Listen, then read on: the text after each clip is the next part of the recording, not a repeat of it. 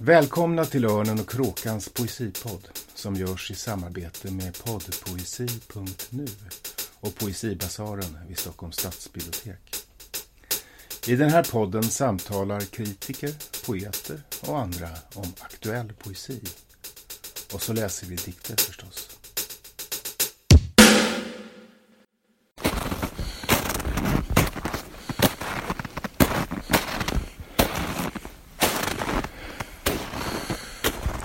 Oj, här tar bin slut. Nu är det mörkt. Månen lyser.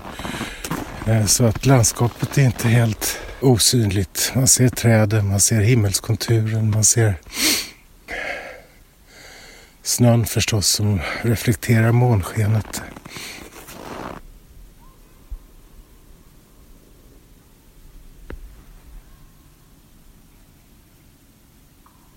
Emotta du måste min ande och kropp mitt hjärta, mitt blod, hela mitt vara, å natt, natt, utvalda natt. Jag ska älska dig med oändlig kärlek, eviga natt. Jag ska älska dig med obeständig kärlek, flyktiga natt. Jag ska älska dig med änglalik kärlek, jungfrunatt. Jag ska älska dig med stormande kärlek, glödkolsnatt. Jag ska älska dig med cerebral, immateriell, självlysande, strålande kärlek, metafysiska natt. Under Venus upptända, rosiga ljus ska jag älska dig, omättliga natt. Jag ska älska dig i skydd av den romantiska Selene, Diana-natt. Svekfullt ska jag älska dig, benägna natt. Jag ska älska dig i jagstormen, malströmsnatt. Isigt ska jag älska dig, iskalla natt. Jag ska älska dig förstulet, varsamma natt. Jag ska älska dig sjungande, min kärleks skrik. Trotsiga natt. I tysthet ska jag älska dig, stumma natt. Emotta du måste min ande och kropp mitt blod, mitt hjärta, hela mitt vara, makalösa, ojämförliga natt, natt, utvalda natt.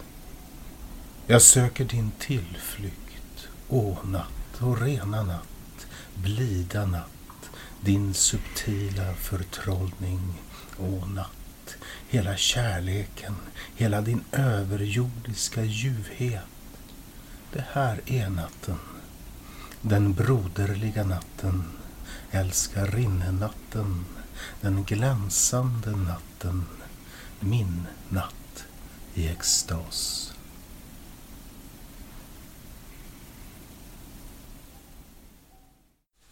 Välkomna till Örnen och Kråkans poesipodd. Jag heter Magnus William Olsson.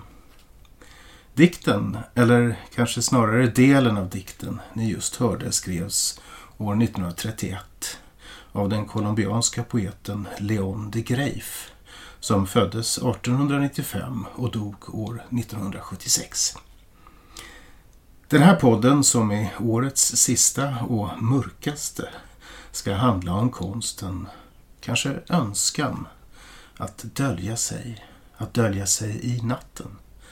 Men också bakom någon av alla de alternativa jag och själv som vi alla, om vi så önskar, kan utveckla och förädla under våra korta liv.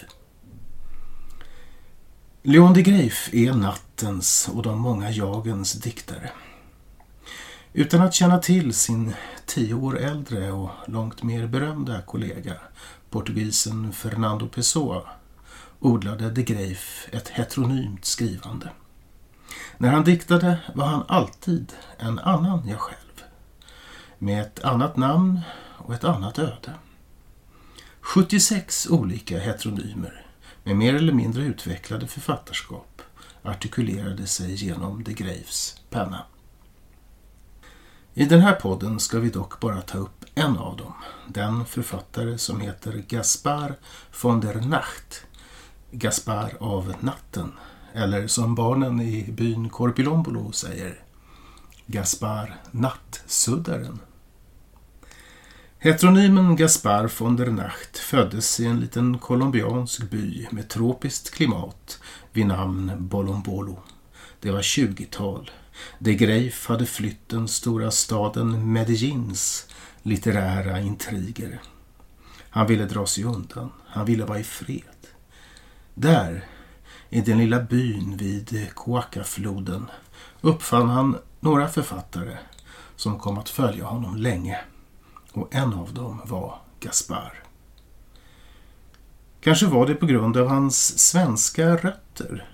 Kanske handlade det mest om namnlikheten. Men Leon de Greif gav där i Bolombolo Gaspar ett liv och öde i en ännu större avskildhet än hans egen. Jag har faktiskt som den enda invånaren i ett vidsträckt och iskallt rike som bar namnet Korpilombolo på gränsen till Lappland, norr, som de Greif skriver, om det nordiska Skandinavien. Där levde, skrev och verkade heteronymen Gaspar von der Nacht i 30 år utan att de Greif själv någonsin kom i närheten av Tornedalen eller Lappland.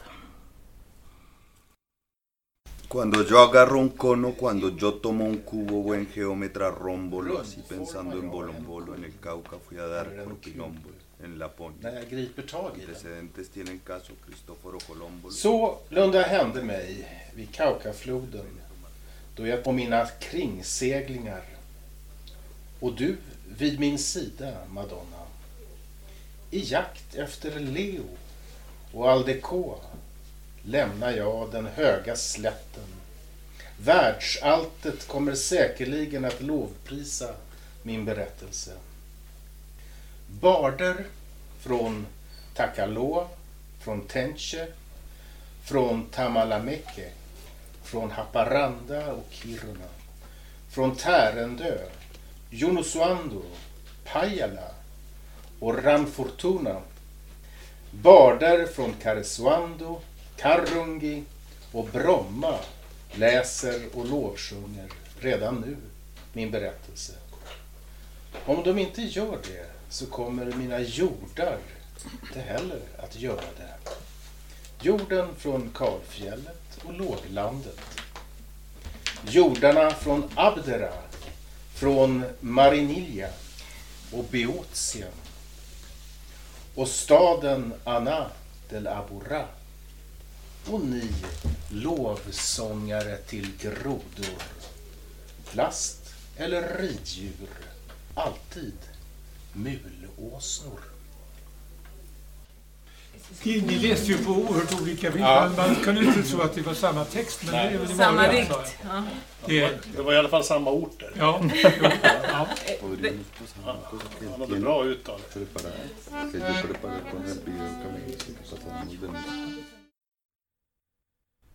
Så kom det sig att litteraturforskaren Julian Vasquez, precis som de Greif, född i staden Medellin, men som av ödets nyck kommit att arbeta i Sverige, att Julian tog kunskapen om Gaspar till den faktiska byn Korpilombolo.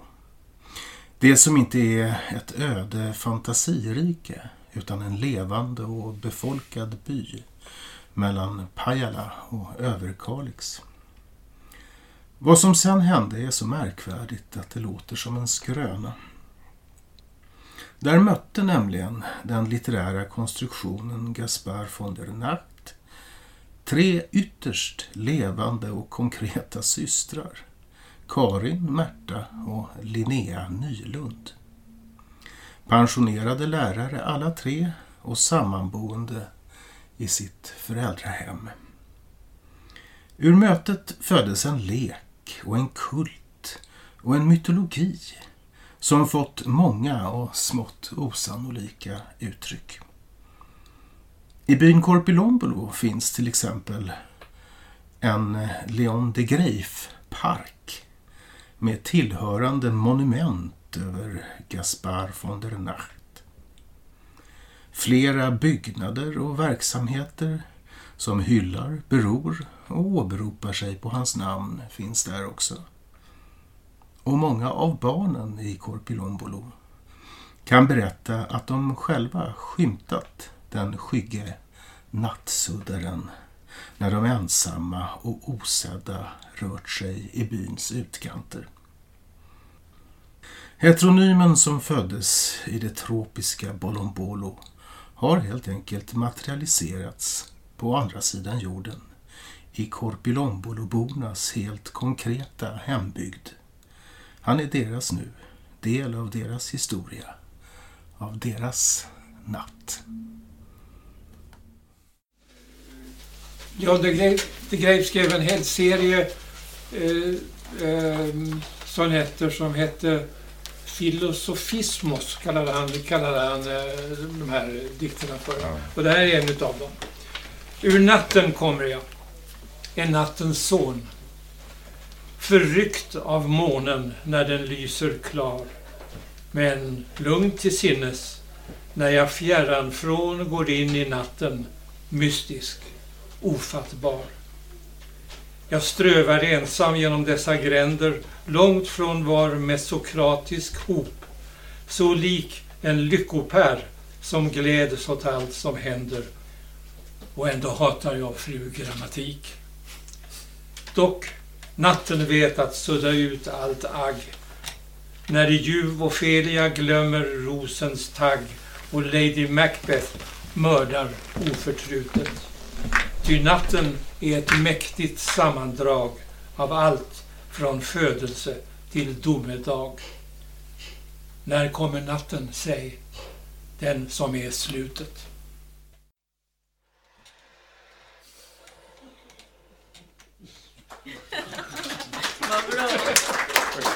Du Jesus.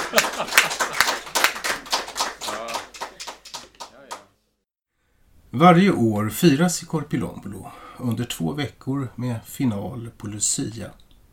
En festival till Gaspars ära. Nattfestivalen. Byn fylls av tillresta från när och fjärran. I år gästades festivalen bland annat av två välkända poeter som båda odlat nattens och döljandets poesi. Lasse Söderberg, som ni nyss hörde läsa sin översättning av de Greifs sonett. Och Angela Garcia, här från festivalen tillsammans med dragspelaren Hans Notsten. Llevo la noche en mi oído izquierdo, el mar impredecible, lo inmenso prendido a mi tímpano como silencio.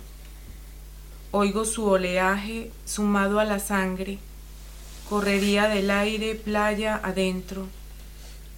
Oigo lo anverso a la fina red de la carne, el bramador tejido, la pulsión delicada de Dios. Oigo la noche. På svenska. Jag bär natten i mitt vänstra öra. Det oförutsägliga havet, det oerhörda fångat i min trumhinna som en tystnad. Jag hör dess vågor fogas till blodet. Luftens strovtåg inåt land. Jag hör framsidan av köttets tunna nät det vävda ropet, Guds finstämda puls. Jag hör natten.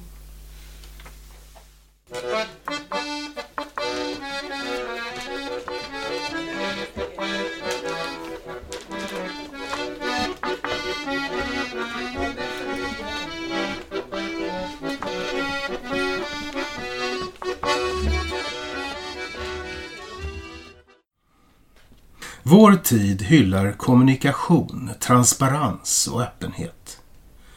Men poesi generellt är djupt intrasslad i motsatsen. Obegripligheten, dunklet och det slutna. Alla som någon gång skrivit eller på allvar läst poesi vet att blottandet endast är döljandets baksida och att dunkla sanningar kräver dunkla uttryck. Natten är ju trots allt dagens mor. Ett starkt tema i Angela Garcias poesi handlar om jaget. När den vi kallar jag ska uppdagas för oss på pappret, i den andres ögon eller kanske i spegeln visar det sig alltid vara en annan.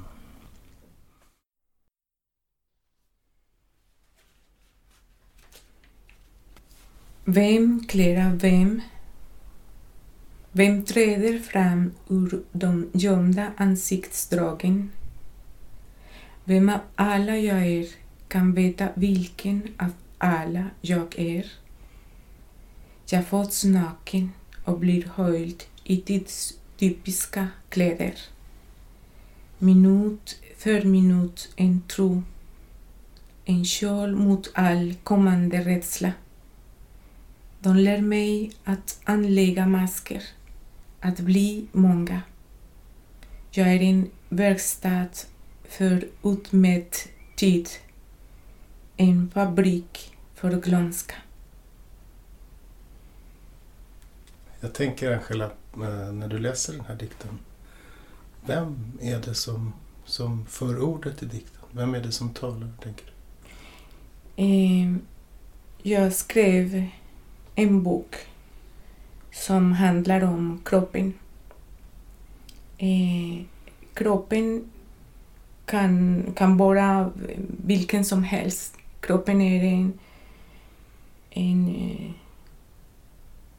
sätt att leva eller kroppen är eh, en instrument man använder för att visa sig, för att närvara livet. Och kroppen har många olika personligheter.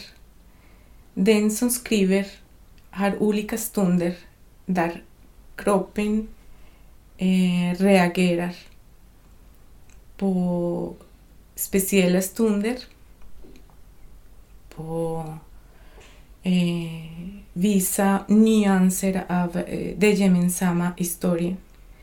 Så jag låter i min bok kroppen skriva ibland och den kan ha en kvinnlig personlighet, en manlig personlighet.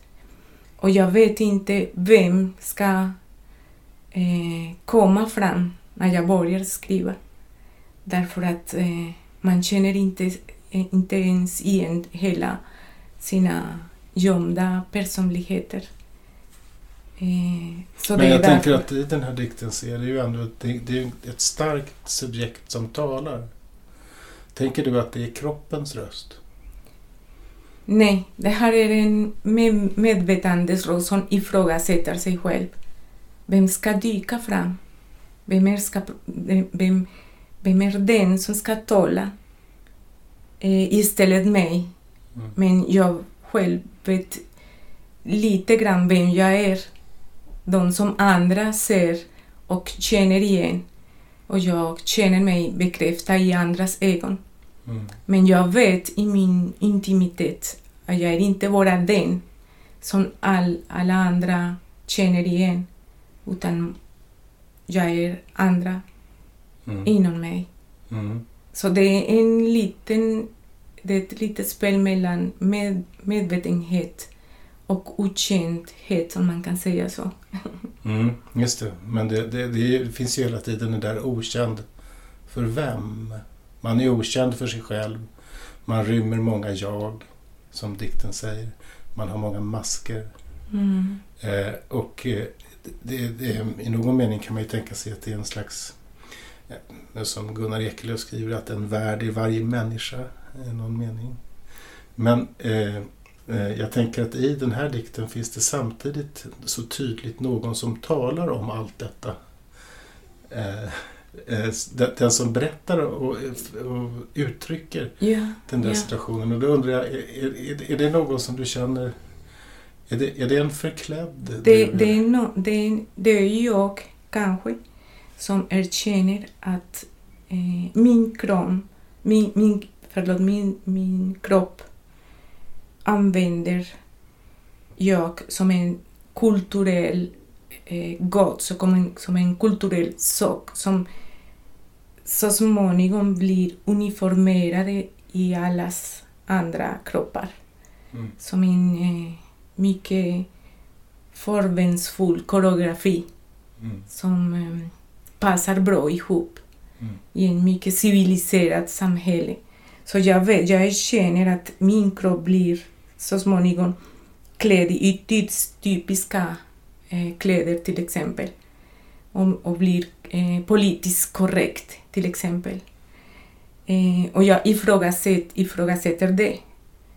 Eh, men jag vet samtidigt att jag ska tillåta mig i boken eller genom skrivande att andra eh, gömda eller eh, ockulta personligheter ska dyka ut Mm. genom andra olika sidor.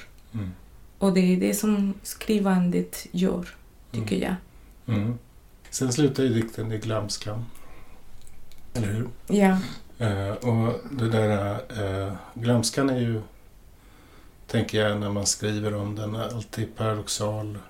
Eh, när det handlar om jaget och vem man är därför att i någon mening så Sappho har en, en väldigt vacker eh, fragment. Det finns ett vackert Sappho-fragment som säger som lyder så här. Jag säger dig, de kommer att minnas oss i framtiden.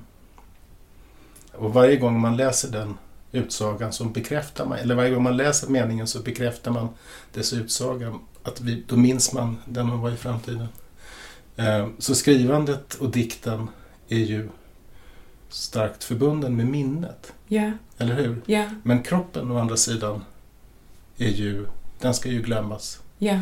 Och vi ska, vi ska glömmas på något sätt eh, i den där. Hur, hur tänker du att, att eh, det, ditt kroppsliga jag, som ju är starkt i din poesi på det hela taget, idén om kroppen, hur tänker du att den förhåller sig till det, det som är författaren eller poeten Angela Garcia, som ju kanske kan hända kommer att leva i tusen år?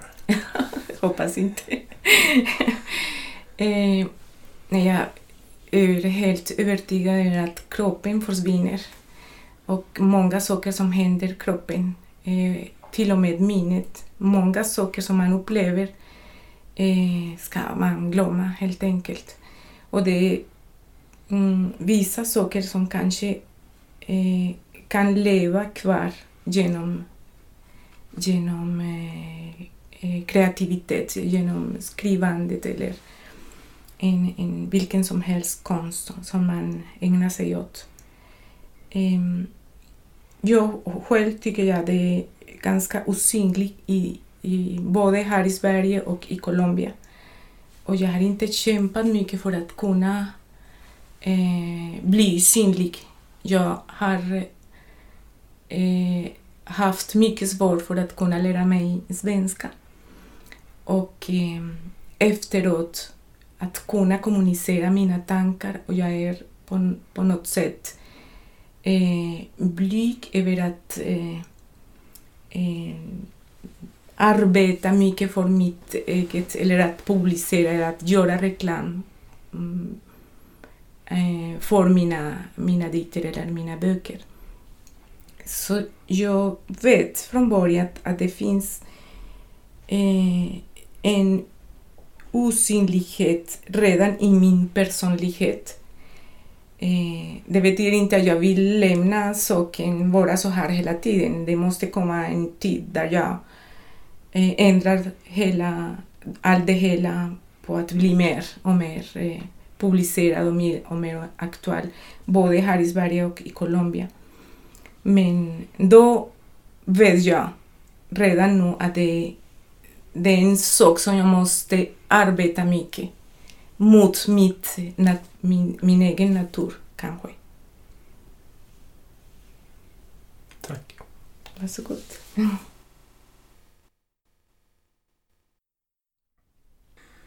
Om Angela Garcia ännu, som hon säger i intervjun, valt att hålla sig tillbaka och förbli en relativt okänd poet så är Lasse Söderberg välkänd för alla som det minsta intresserat sig för poesi i Sverige.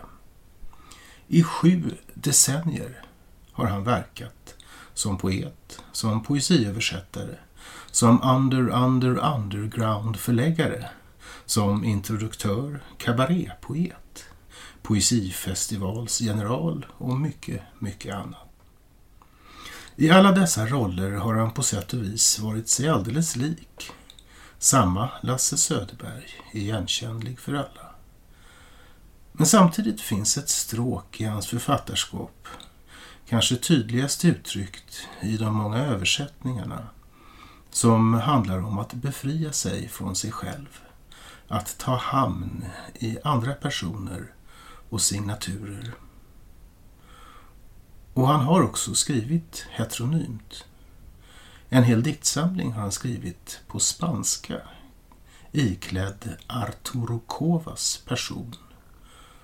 Och han har också tagit hamn i den arabisk-andalusiska medeltida poeten Al-Sabini.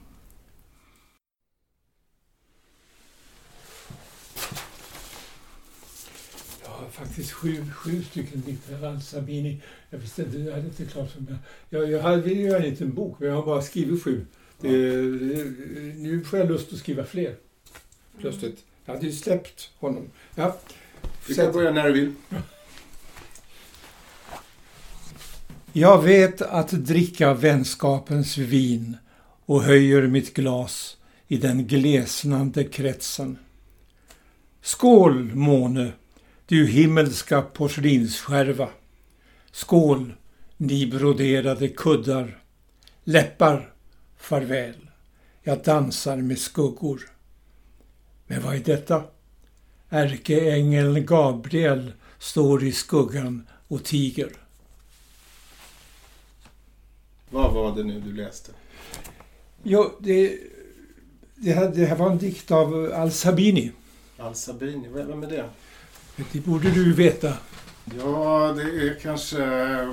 Ja, nej, jag, jag, vagt, vagt. Nej, jag, jag, jag kan förlåta dig att du inte vet vem det är. Eh, För det är inte så många som vet det faktiskt. Eh, När jag eh, bodde i Spanien på Ibiza för väldigt länge sedan, på, faktiskt i slutet på 50-talet, då hittade jag en liten antologi med arabisk-andalusisk poesi. Eh, och det var, det var en storhetsperiod i den arabiska poesin. Och då hittade jag en man som, som var ifrån Ibiza, som hette Al-Sabini. Men det fanns bara en dikt i den där antologin av honom. Och, man, och väldigt lite um, upplysningar om honom. Så jag, eh, jag, jag letade på annat håll och hittade ingenting. Så då tänkte jag att nu så skriver jag Al-Sabinis dikter som har, som har fallit i glömska eller har, eller har, eh, eller har försvunnit. Mm. Mm.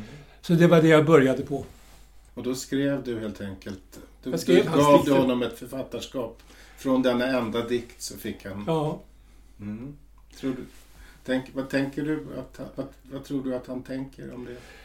Ja det har jag undrat över också. Det, om man överhuvudtaget kan göra så. Om det, alltså det här upphovsrättsliga eh, problem som kan uppstå. Om, det, om nu någon vill, vill publicera eh, dikterna, alltså vem, vem är egentligen upphovs, upphovsman?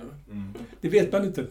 Det är därför att jag var helt övertygad om att jag var Al-Sabini när jag skrev de här eh, korta dikterna i eh, lite pastisch Mm. på arabisk poesi är det. Men samtidigt innehåller det en hel del av mina, mina egna eh, upplevelser. Eh, Så vi, känner ju till det där, att man iklär sig en, en, eh, en, eh, en, en annan person om vilken, man vet, om vilken man vet mycket och som på något sätt kompletterar det du vet om dig själv. Mm.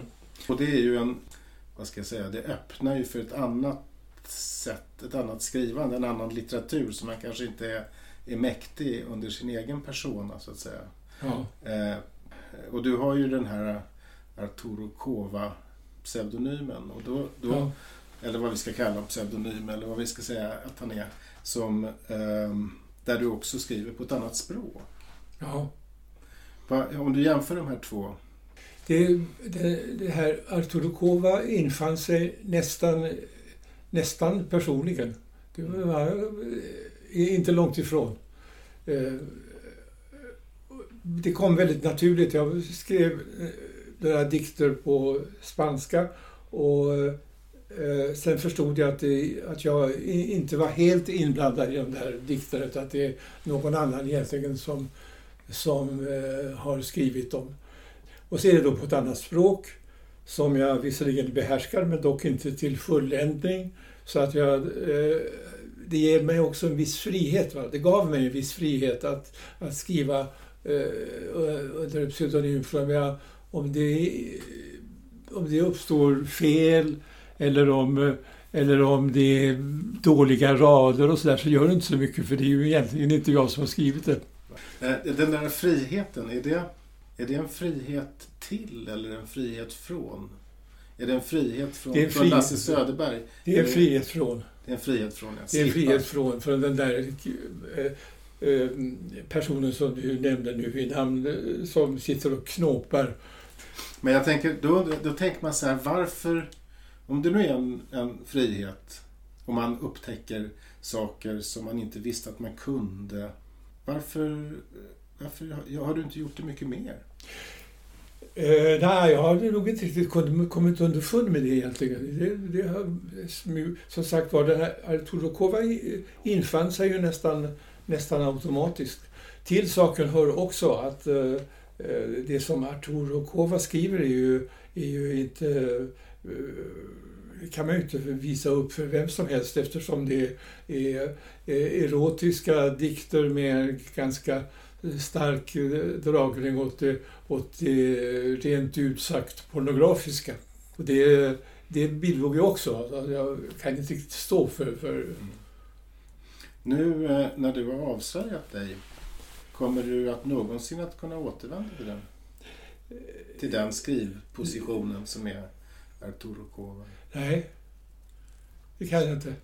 Så att det, det, här är helt enkelt också en en väldigt bra, begravning. det är faktiskt en väldigt bra fråga för det, han har försvunnit alltså i- inne in i djungeln. Eh, och dessutom är det så, det är en annan aspekt av det hela, att eh, jag är inte så säker på att jag tycker att de här dikterna är, är så bra. Därför vill jag inte översätta dem själv. Så det hade jag tänkt att du skulle göra. Det ska jag, åtminstone en av dem. Ja. Mitt namn är Annan. Och mitt ansikte ovan ditt ansikte är Annans. Begärets inbillade mask. Jag döljer mig bakom detta namn och detta ansikte. I ett visst ögonblick, Alicia, förråder de mig båda. Mi nombre es otro. Y mi cara, encima de tu cara, es otra. Máscara fantaseada de mi deseo. Me oculto detrás de este nombre y de esta cara. En cierto instante, Alicia, ambos me traicionan. Pindaros, den gamle och notoriskt dunkle grekiske körlyriken, skriver i en av sina mest berömda dikter och mest berömda fraser att människan är en endagsvarelse. Skuggan av en dröm. Jag tänker att man kan förstå nattfestivalen i Korpilombolo just så som en skuggas dröm. Ja, för vad annat är fantasifiguren Gaspar von der Nacht än en skugga? Och vad annat var det jag var med om där uppe norr om polcirkeln helt nyss än en dröm? O, att vi slipper vakna till det uppdagandets självhärliga moralism som kastat sitt opoetiska ljus över oss alla under det år som nu lyckligtvis snart är till ända. Gott nytt 2020.